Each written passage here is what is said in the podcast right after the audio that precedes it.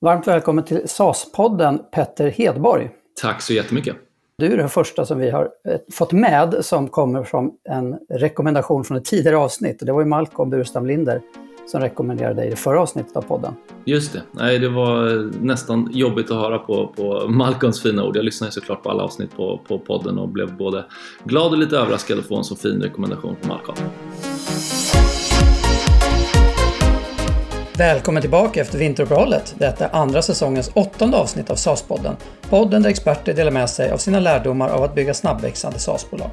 I dagens avsnitt träffar vi Petter Hedborg, VD och en av grundarna av Modular Finance. Petter är en framgångsrik aktieinvesterare på börsen som idag fokuserar på att bygga upp SAS-bolaget Modular Finance. Vi kommer att få höra Petters framgångsrecept för både hög organisk tillväxt och Sveriges högsta lönsamhet i sektorn. Vi täcker bland annat områden som hur de tänker när de organiserar och utvecklar sitt team. Inte minst intressant att de inte har renodlade säljare eller någon i bolaget som har provision på försäljning.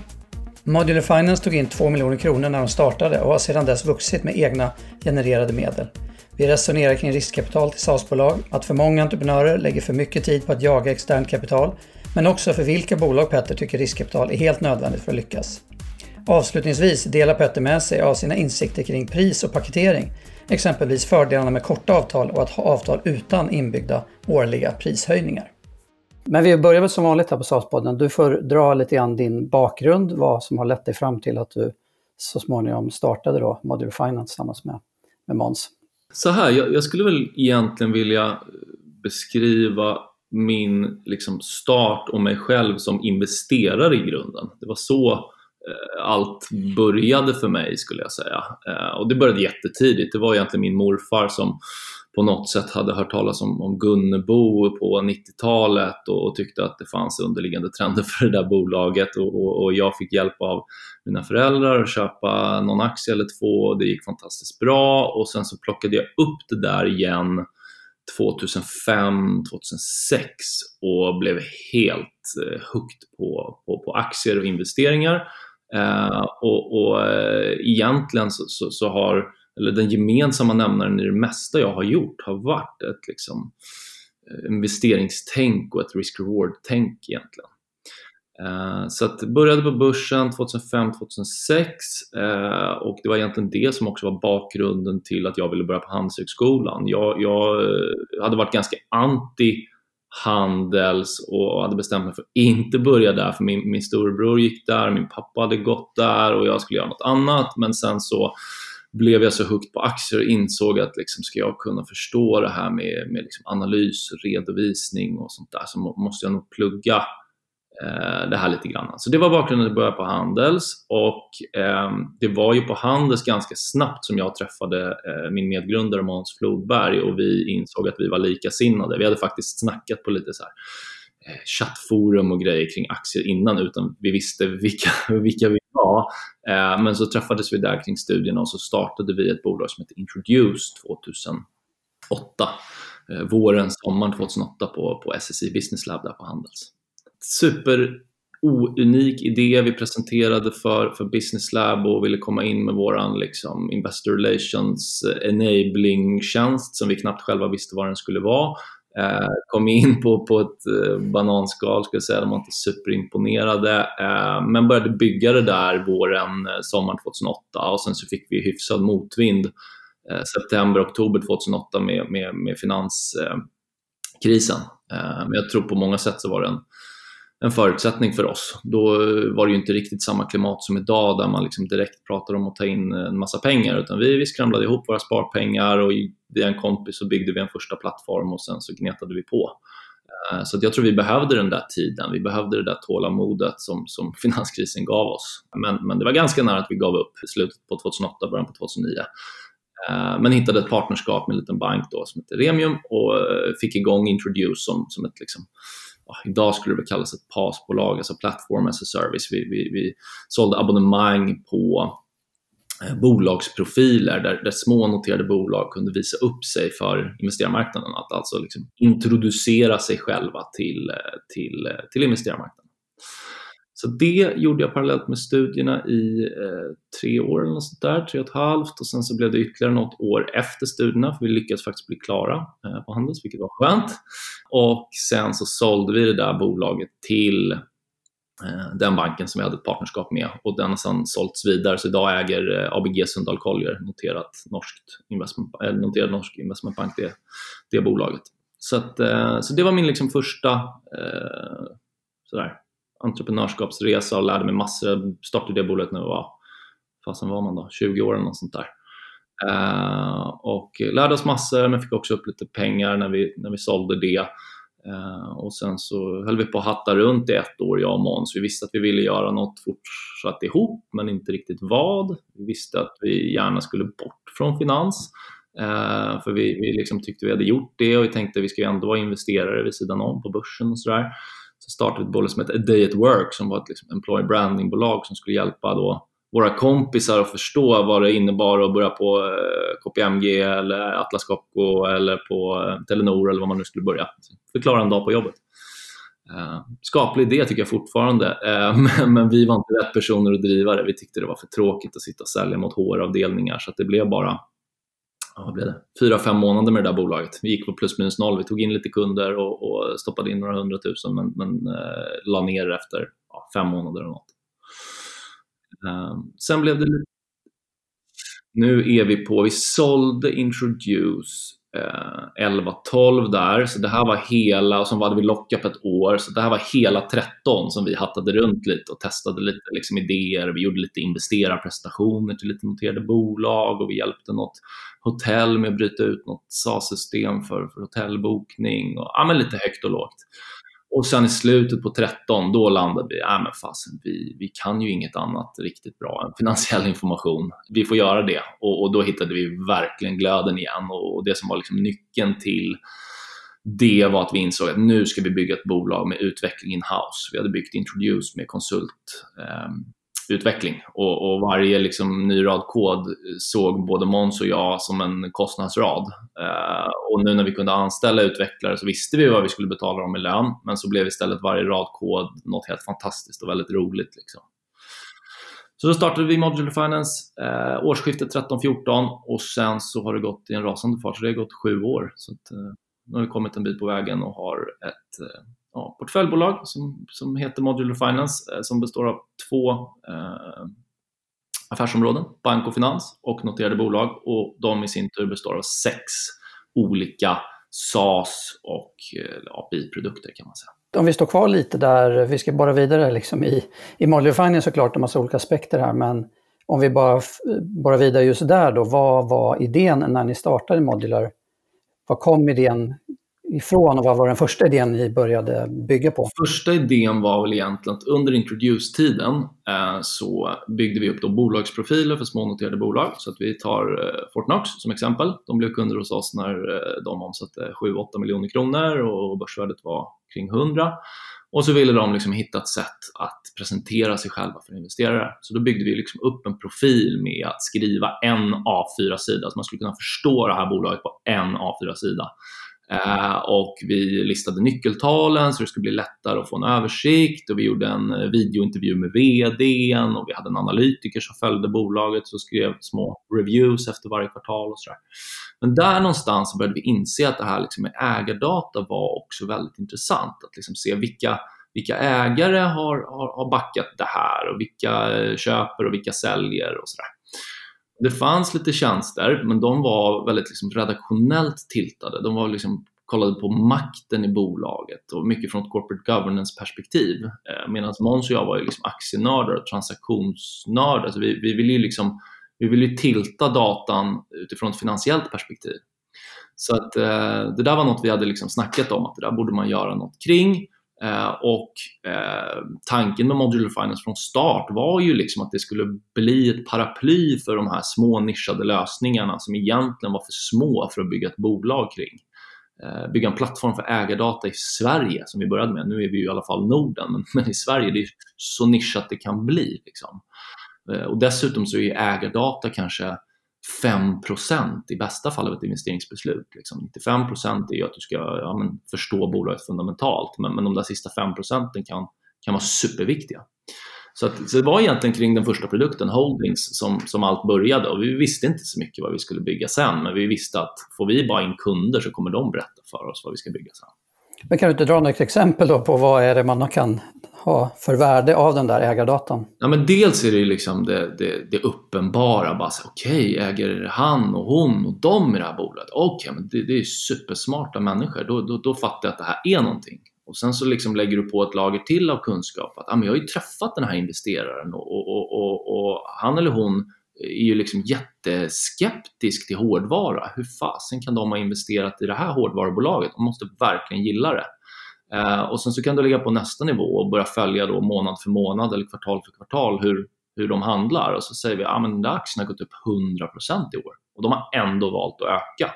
Eh, och det kanske kan vara att de har köpt aktier för Eh, ett, ett ganska litet belopp. Men lägger du på din erfarenhet, din kunskap om investeraren, din kunskap om bolaget så kan du med de här datapunkterna få en väldigt, väldigt liksom intressant kompletterande bild till din egen view på det fundamentala caset. Eh, sen kan du liksom ta det där hur detaljerat som helst med aktiv och passiv förvaltning och andel fondägande och insynsägande och blankning och ETF-flöden och allt vad det är. Så att Alltså holdingsystemet idag och de kunder och användare vi har, de har liksom precis börjat skrapa på ytan med vad man med, med data kan göra för, för, att analysera utbud och efterfrågan på finansmarknaden. Eh, det, det är liksom alla, alla skickliga finansiella tänkare säger ju att ja, men det, det, det, har inget med utbud och efterfrågan att göra, det har med fundamental utveckling och, och värdering och det stämmer över tid. Men på kort och medellång sikt, då handlar börsen om utbud och efterfrågan och det tror jag 2020 har visat om, om inte annat. Och var kommer den här datan ifrån? Den kommer från väldigt många olika håll och, och, och det är ju det som liksom är grunden till att vi har eh, lyckats bygga ett bolag kring det här. När, när folk frågar sig, men vilka är era konkurrenter då? Jo, det är liksom det är Bloomberg och det är Reuters och det är de här Factset, det är de här liksom enorma, stora, globala databasspelarna. Då tänker man, men hur, hur har vi då ett existensberättigande? Jo, det är egentligen att det handlar om att jag tror att ska du bygga, man, man, man kan se det ganska svart eller vitt när man ska bygga ett SaaS-bolag, tycker jag. Eh, sen finns det ju såklart liksom, eh, grader däremellan, men, men för att göra enkelt för sig kan man se det lite eh, svart eller vitt. Och då, då tänker jag så här, antingen ska man bygga som vi har gjort, supernischat, eh, ganska lokalt eh, och fokus på, på, på hög lönsamhet eh, i, i, i bygget. Liksom. Eh, och en, en komponent man då gärna vill ha, det är liksom komplexitet. Komplexitet i indata eller komplexitet i liksom domänkunskap eller komplexitet i någonting. Och i vårt fall är det just indatan. Så att för att bygga upp liksom Atlas Copcos ägarlista så kanske vi behöver 20-30 olika datakällor.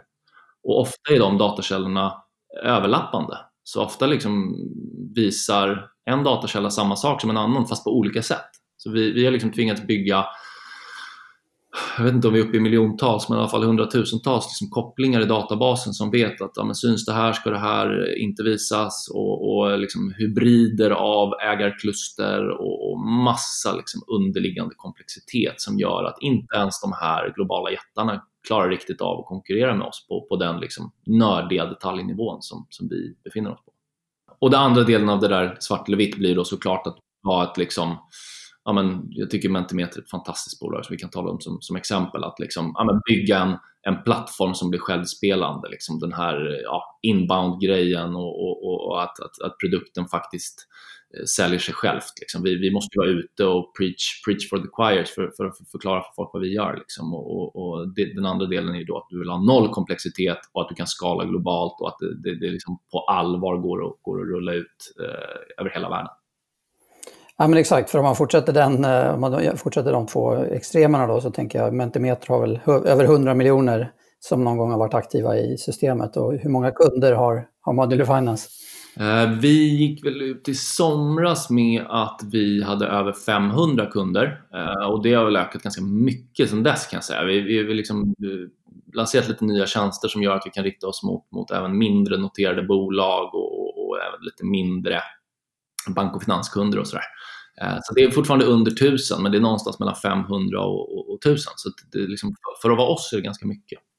Mm, absolut, Nej, men det är ju super, det låter ju super superstarkt så, men det är en häftig, häftig jämförelse. Ja, verkligen, för, verkligen.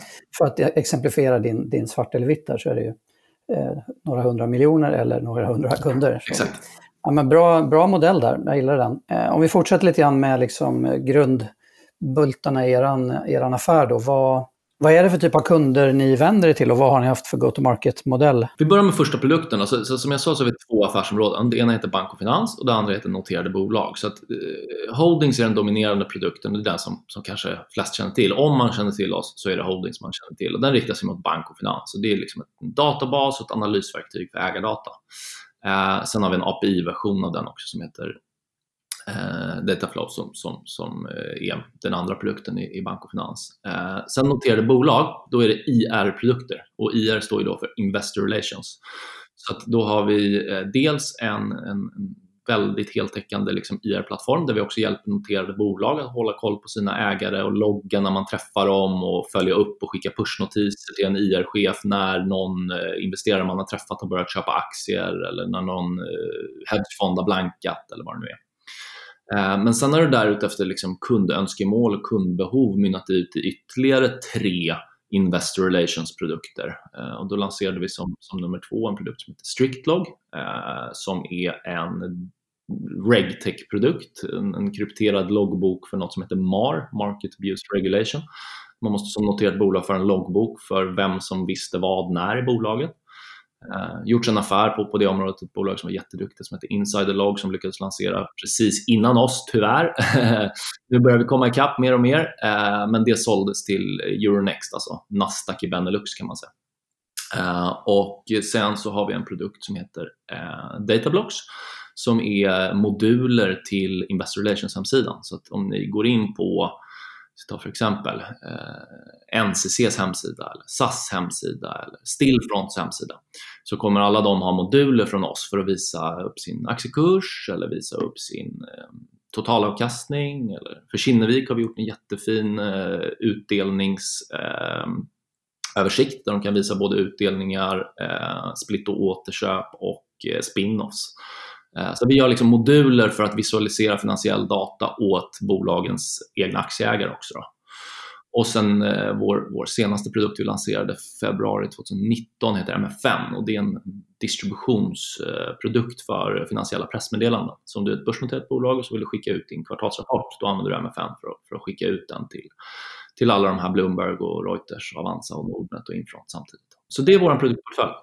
Och det låter ju som, om vi kanske fortsätter borra lite där, det låter ju som ni expanderat produktportföljen ganska snabbt ändå. På sju år så har ni liksom en, en, en eh, flora här nu av produkter. Vad har liksom, var det taktiken från början eller hur liksom har tankarna gått? Blir det inte lite spretigt? Eller liksom hur? Ja, men det, det, var taktiken från början att vi ville ha en, en mängd olika produkter. Eh, och, och eh, Det är spretigt, det, det, är helt riktigt och det är liksom det som är vår utmaning. Hur ska vi bygga vår liksom, tech-stack och hur ska vi bygga eh, liksom, en, en, en tjänst, en, en, roll som, som klarar av att hantera alla de här olika områdena. Och så där. så det, det, är både vår utmaning och vår styrka skulle jag säga. För många som jobbar hos oss gillar det här liksom breda, att få jobba med så många olika saker.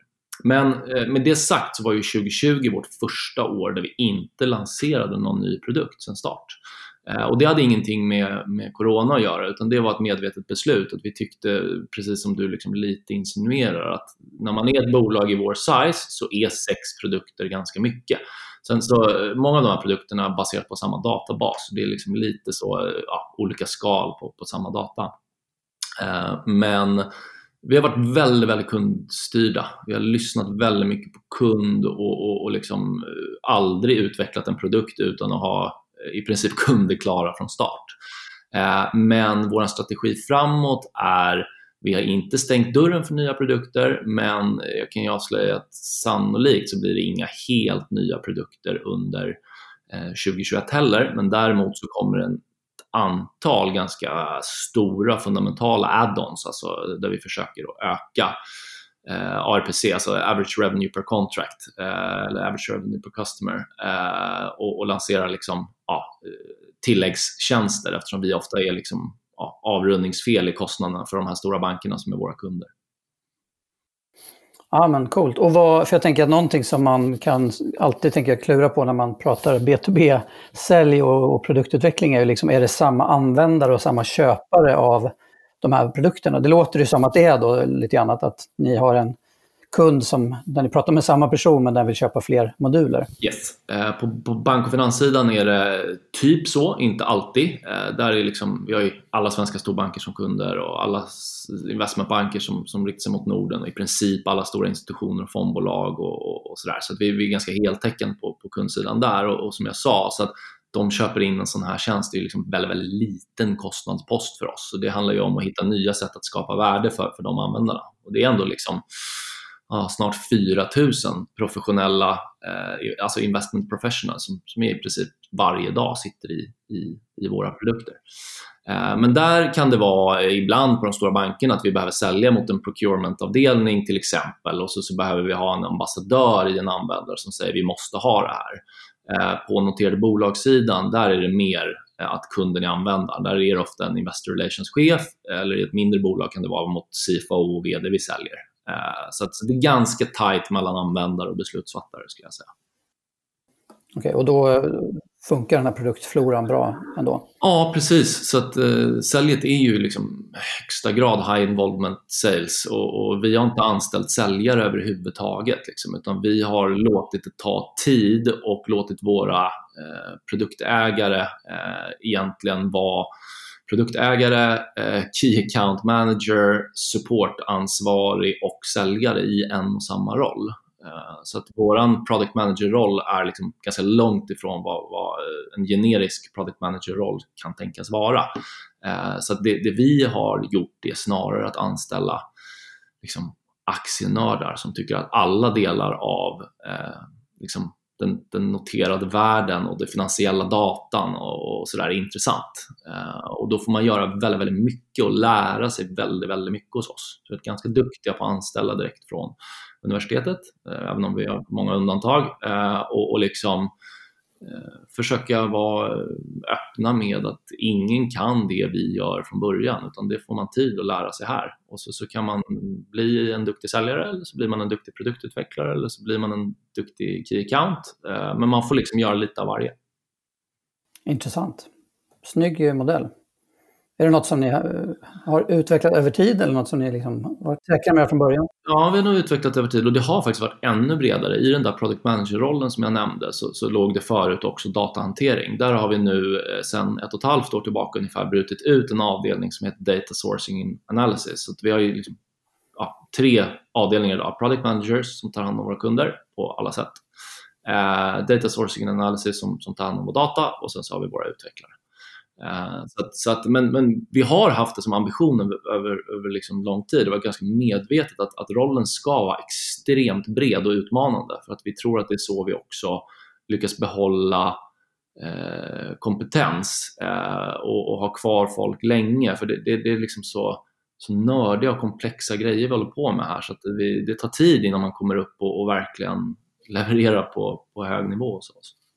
Men blir det då så att olika personer där sen dras lite åt olika delar av de där? Exakt så är det. Så att du, du kanske lägger eh, 60% av din arbetstid på det du liksom ska göra i din roll och sen så ska det finnas ja, 30-40% kvar där du liksom specialiserar dig åt något håll. Så att till exempel en, en, en person som är anställd som kanske inte alls hade en liksom personlighet för sälj har nu blivit en fantastiskt duktig säljare och hittat sin stil där. Och det tycker jag är lite häftigt att vi kan liksom få folk att, att blomma ut inom områden som, som eh, man kanske normalt sett inte tänkte att man skulle jobba med. Jag tror att det är ganska utvecklande att få göra många grejer och, och vi anställer liksom bara eh, ja, prestigelösa människor som, som har hög arbetsmoral. Alltså att man, man ska inte tycka att det är för nära att ta ett supportsamtal med en kund som har glömt bort hur man loggar in, utan man, man ska kunna göra högt och lågt. Liksom. Och vi har ju lite säljfrågor från eh, lyssnarna också. Eh, Johan Höjvall som är en fantastisk eh, säljare och person på Winningtamp han undrar ju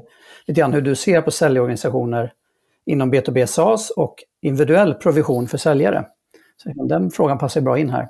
Vi har sagt eh, blankt nej till det. Det passar inte oss alls och det har väldigt mycket att göra med att för mig är det viktigt som VD att signalera att alla våra tre avdelningar är precis lika viktiga. Alltså product managers, data sourcing and analysis och utvecklarna. Ingen fungerar utan de andra.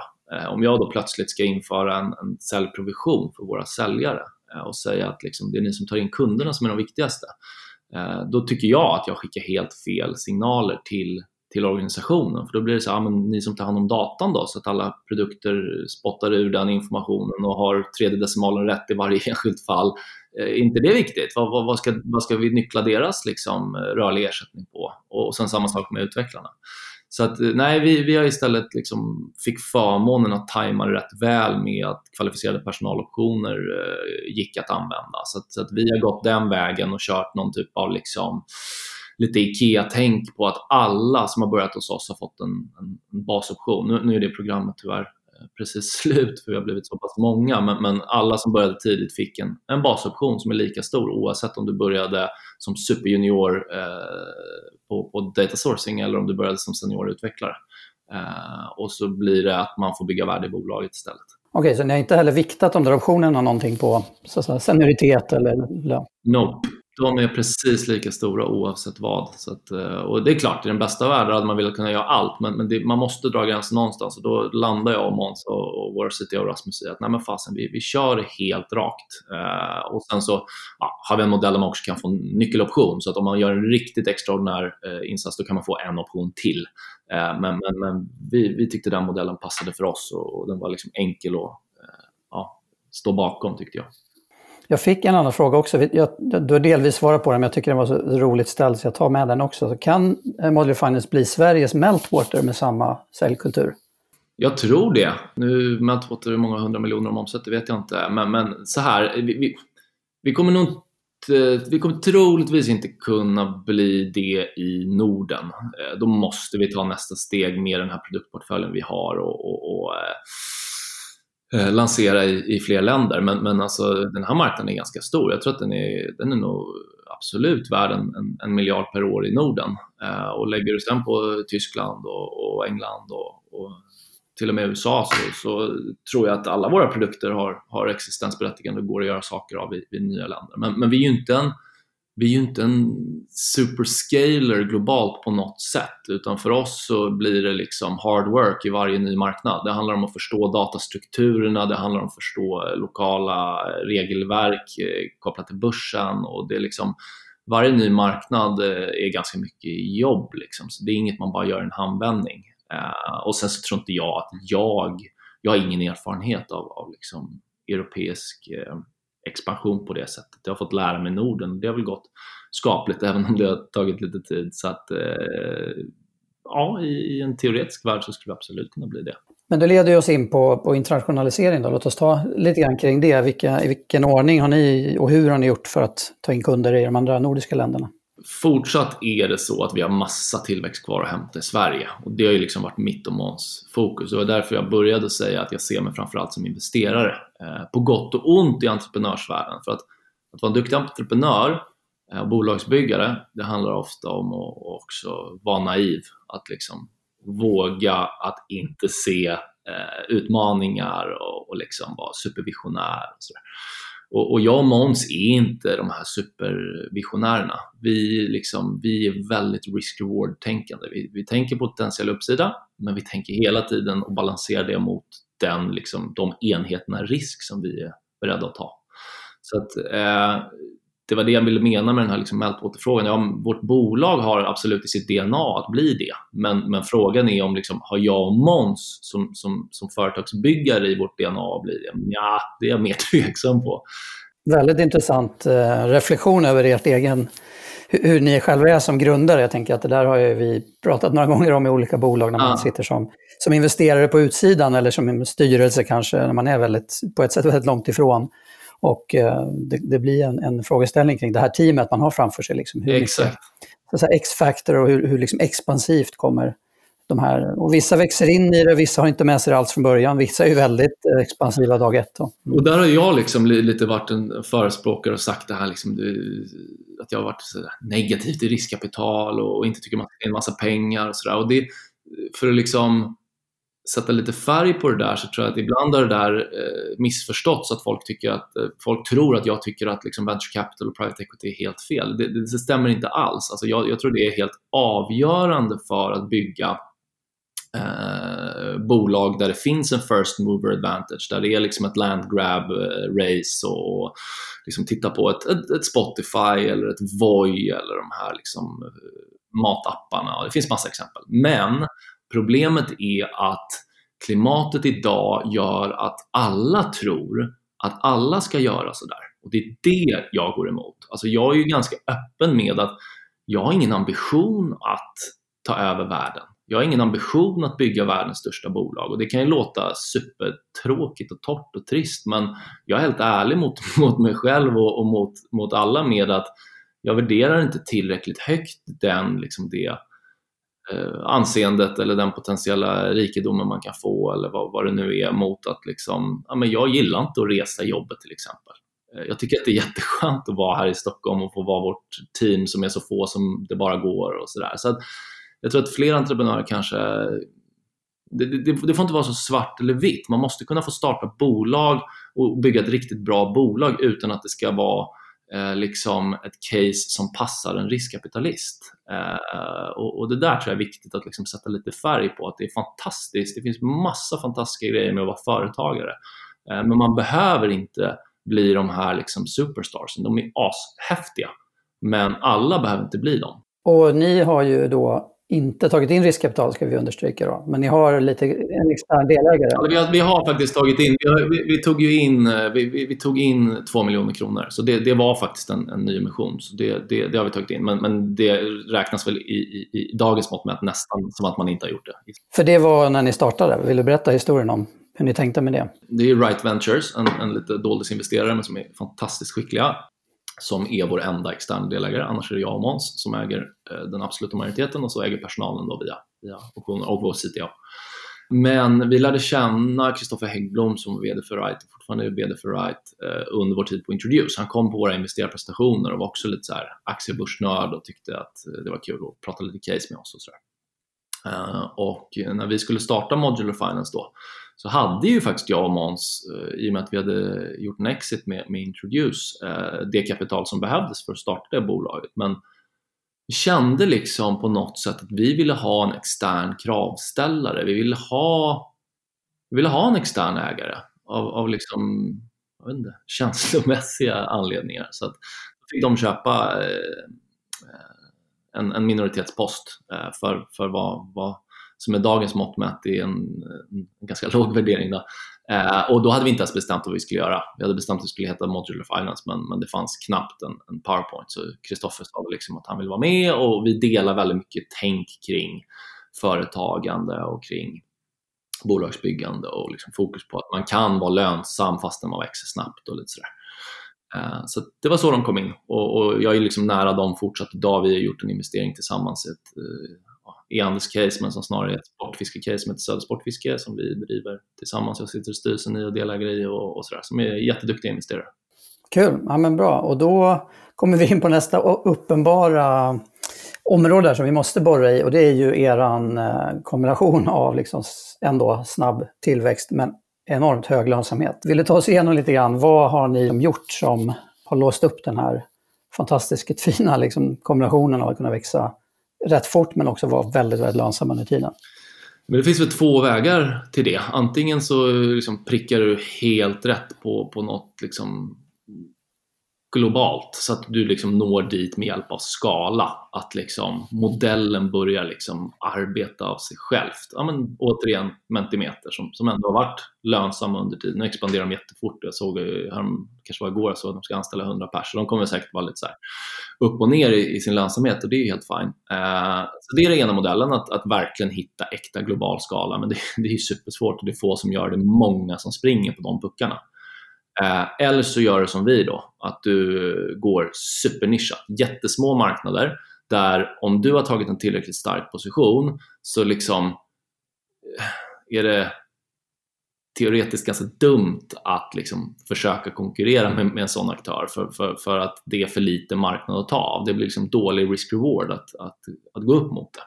Så att det liksom är ju egentligen att vår strategi är ju inte att bli marknadsledare utan vår strategi är att bli marknadsdominant på de nischerna där vi ger oss in. Så vi, vi, liksom, vi är inte nöjda med någonting annat än över 50% marknadsandel och helst ännu mer. Eh, och, och, eh, då kan man ju eh, bygga eh, liksom väldigt värdebaserat eh, men självklart måste du ha örat mot rälsen hela tiden för att du inte uppfattas som en liksom de facto monopolist som, som eh, är eh, oschysst kring prissättning eller något sånt där. Så bara som exempel, vi, är liksom, ah, vi, vi höjer inte våra priser enligt någon schablon, vilket de allra flesta SAS-bolag gör. Så många av våra kunder kom in 2015 och betalar samma pris idag. Då jobbar man istället med add-ons och försöker höja intäkten den vägen. Annars är det liksom inget konstigare recept än att eh, ordning och reda. Alltså, vi är väldigt noggranna med att försöka bygga strukturer och strukturkapital och, och, och inte lösa problem genom att, att, slänga in mer folk utan lösa problem genom att tänka, klura uh, och, och, och försöka sätta strukturer. För det tycker jag är det svåraste. Men jag tänker ändå, du passerar förbi det lite snabbt, jag tänker ändå att en, som jag förstår er, vi har ju träffats några gånger genom åren, så var ni ändå väldigt...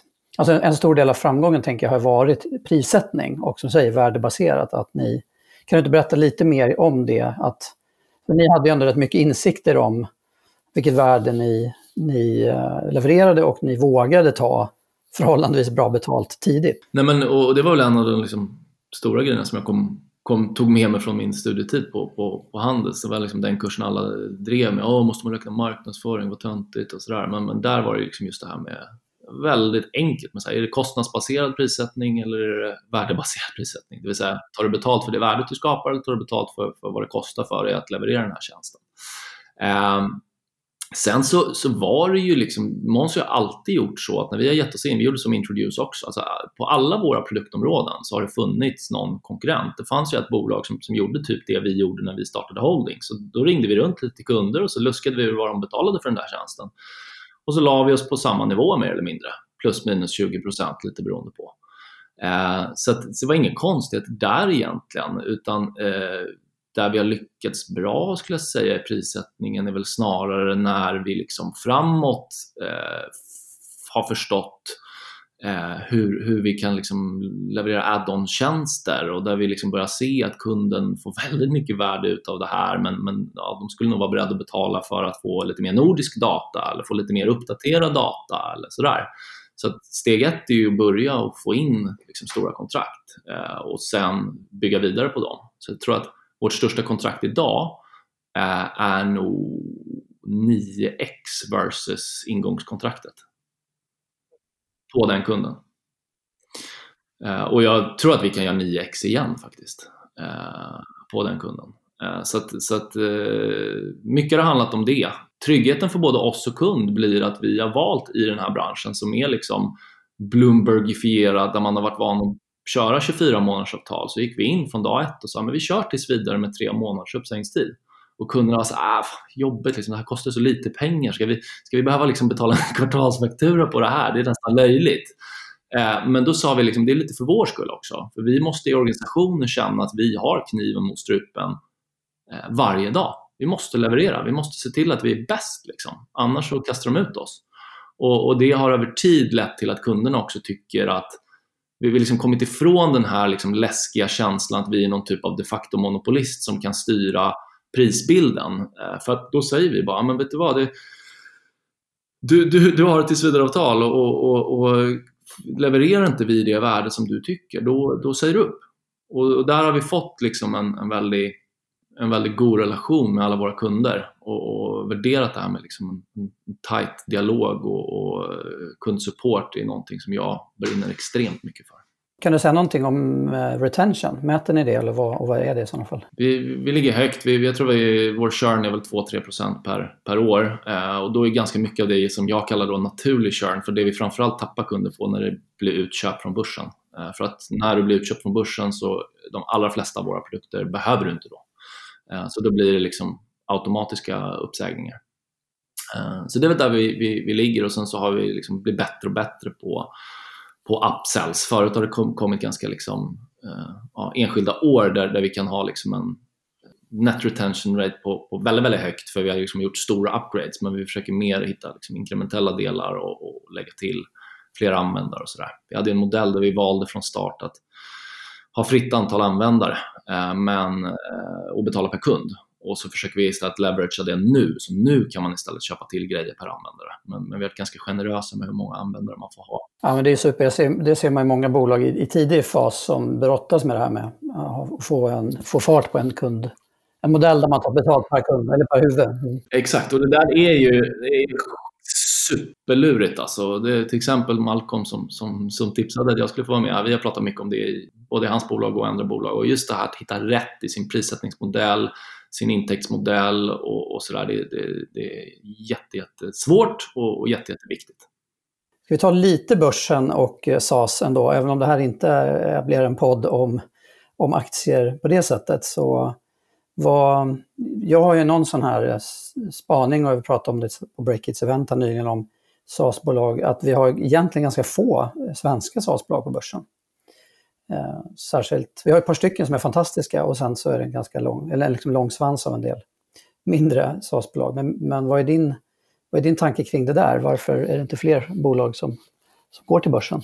Bra fråga. Det, det, får vi se om det ändras lite nu, nu när liksom börsen är populärare än någonsin, i alla fall så länge som jag har varit med i 15 år eller något sånt där. Så både i, i, i Norge och liksom på gång i Sverige och så, där, så börjar det hända lite. Jag har fått in Lime och fått in det här Pexip och fått in lite ja, gott och blandat. Så att, eh, jag har inget bra svar, eh, men en grej med SAS är väl att sen, jag vet inte hur många år, det kan du bättre än jag Johan, men liksom, ja, två, tre, fyra, fem år tillbaka så har ju liksom hela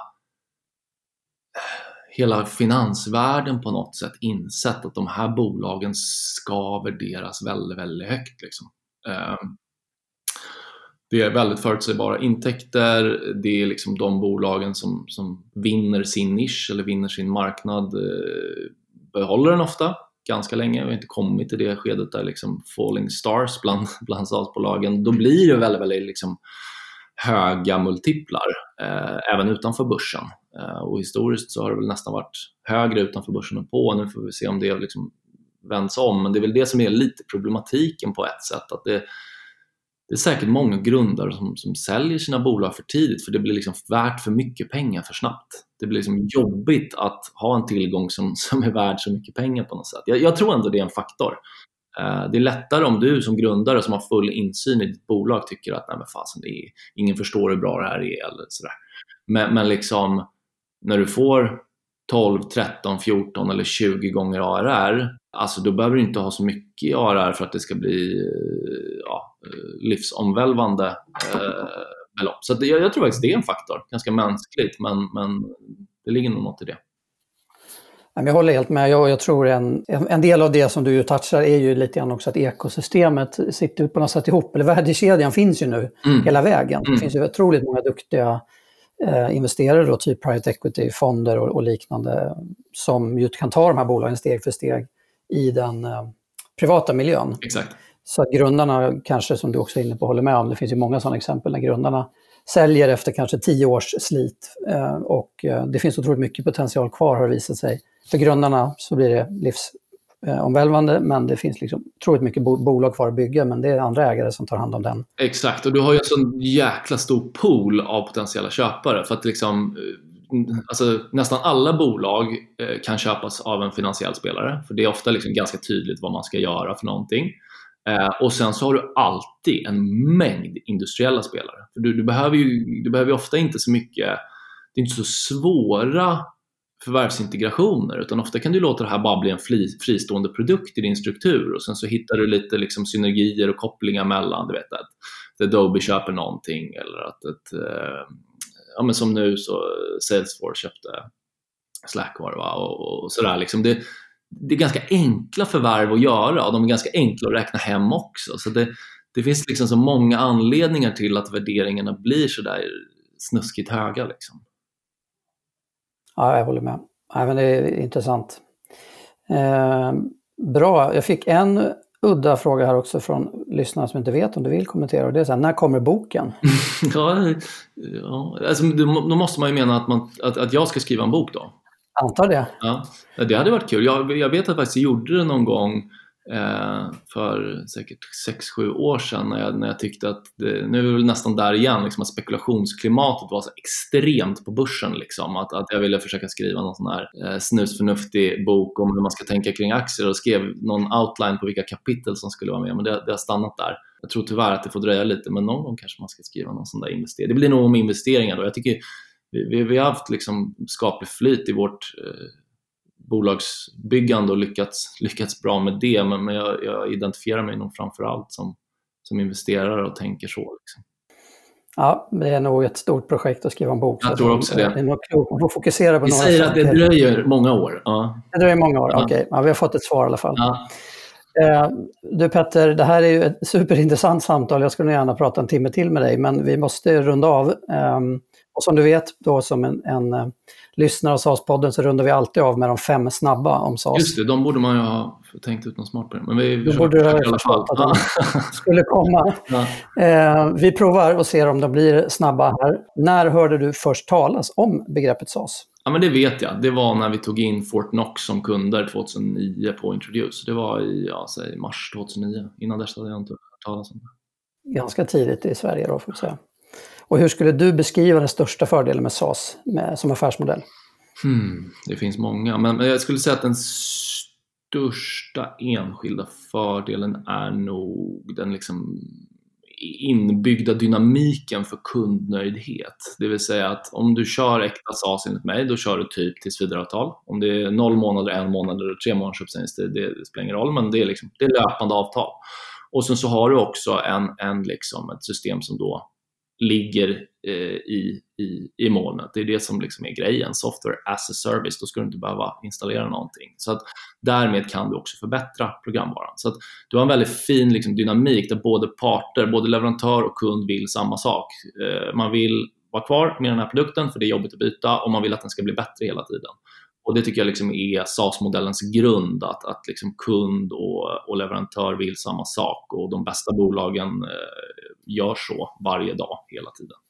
Vad önskar du att du förstod tidigare om SAS som du vet idag?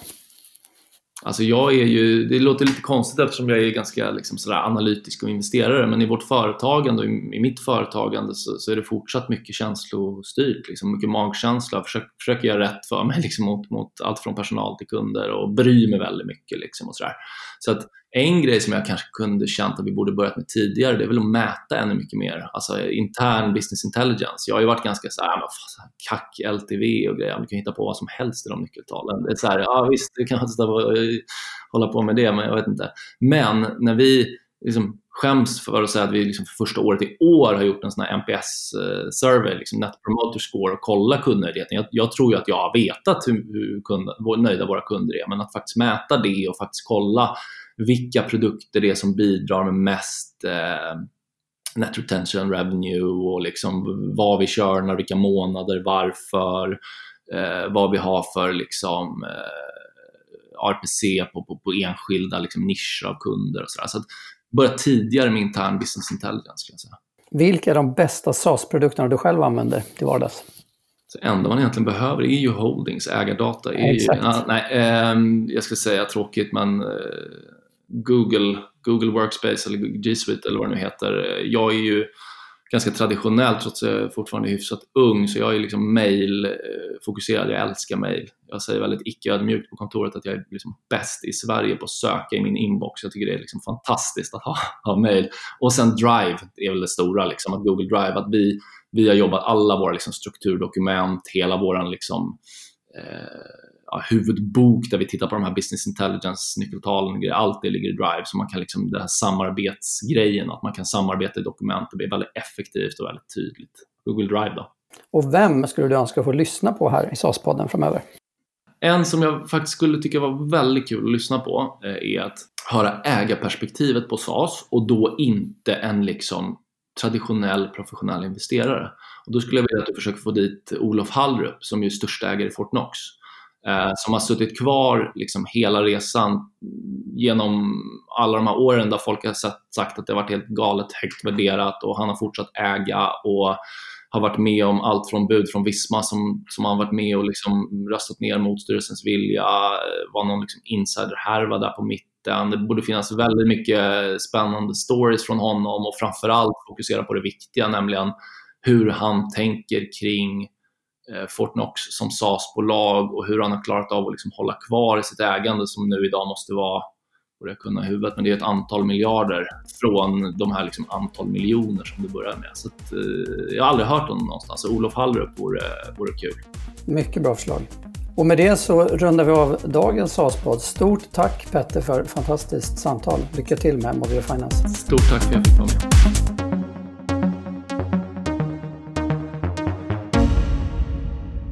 Tack för att ni har lyssnat på säsongens åttonde avsnitt av SAS-podden. På www.cloudcapital.se SAS-podden hittar du alla avsnitt av podden. Jag heter Johan Krona och om två veckor är podden tillbaka.